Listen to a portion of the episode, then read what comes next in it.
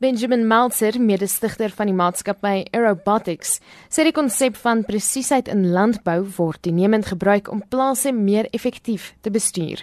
With technology becoming more precise, we can potentially control and target our crops on a, a much more granular level. The whole act of precision agriculture saying let's take much more fine-grained data, given the analytics and data that's available these days and the technology, and using that, let's treat crops much more prescriptively. Hommeltuie word byvoorbeeld gebruik om foto's te neem van 'n vrugteboord. Die beelde word dan gestoor en verwerk om algoritmes te vervaardig.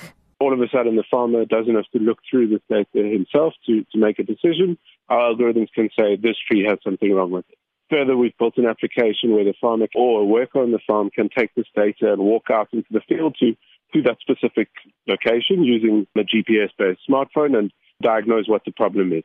Met ander tegnologie kan peste en siektes geïdentifiseer word deur sekere meganismes in hommeltuie in te bou wat boere of plaaswerkers in staat stel om probleemareas vinniger en meer effektief uit te wys.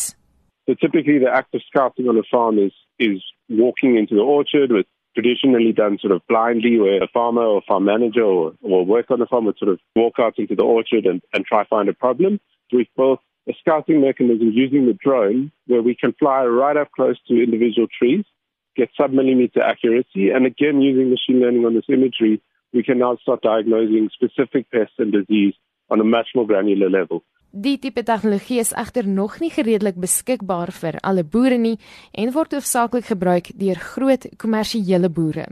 Over time, and this is the whole beauty of machine learning, the knowledge from all of these farmers and the knowledge from all of the data that we're gathering can be built into our algorithms where we could eventually use it to help people that need this technology the most. An example is if we could get essentially model agronomists and consultants on the farm and some of their knowledge leveraging technology, we could expose that kind of knowledge to people in potentially um, less developed areas, parts of South Africa, other parts of Africa, and, and roll out to people like smallholder farmers and the likes Volgens hom kan sogenaamde presisieboerdery oor die langtermyn 'n groot rol speel in omgewingsbewaring en voedselsekerheid.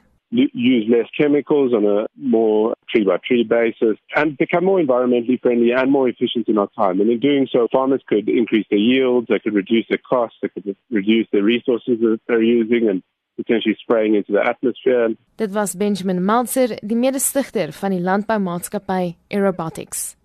Ek is Marlene Forsiefer, SAK nuus.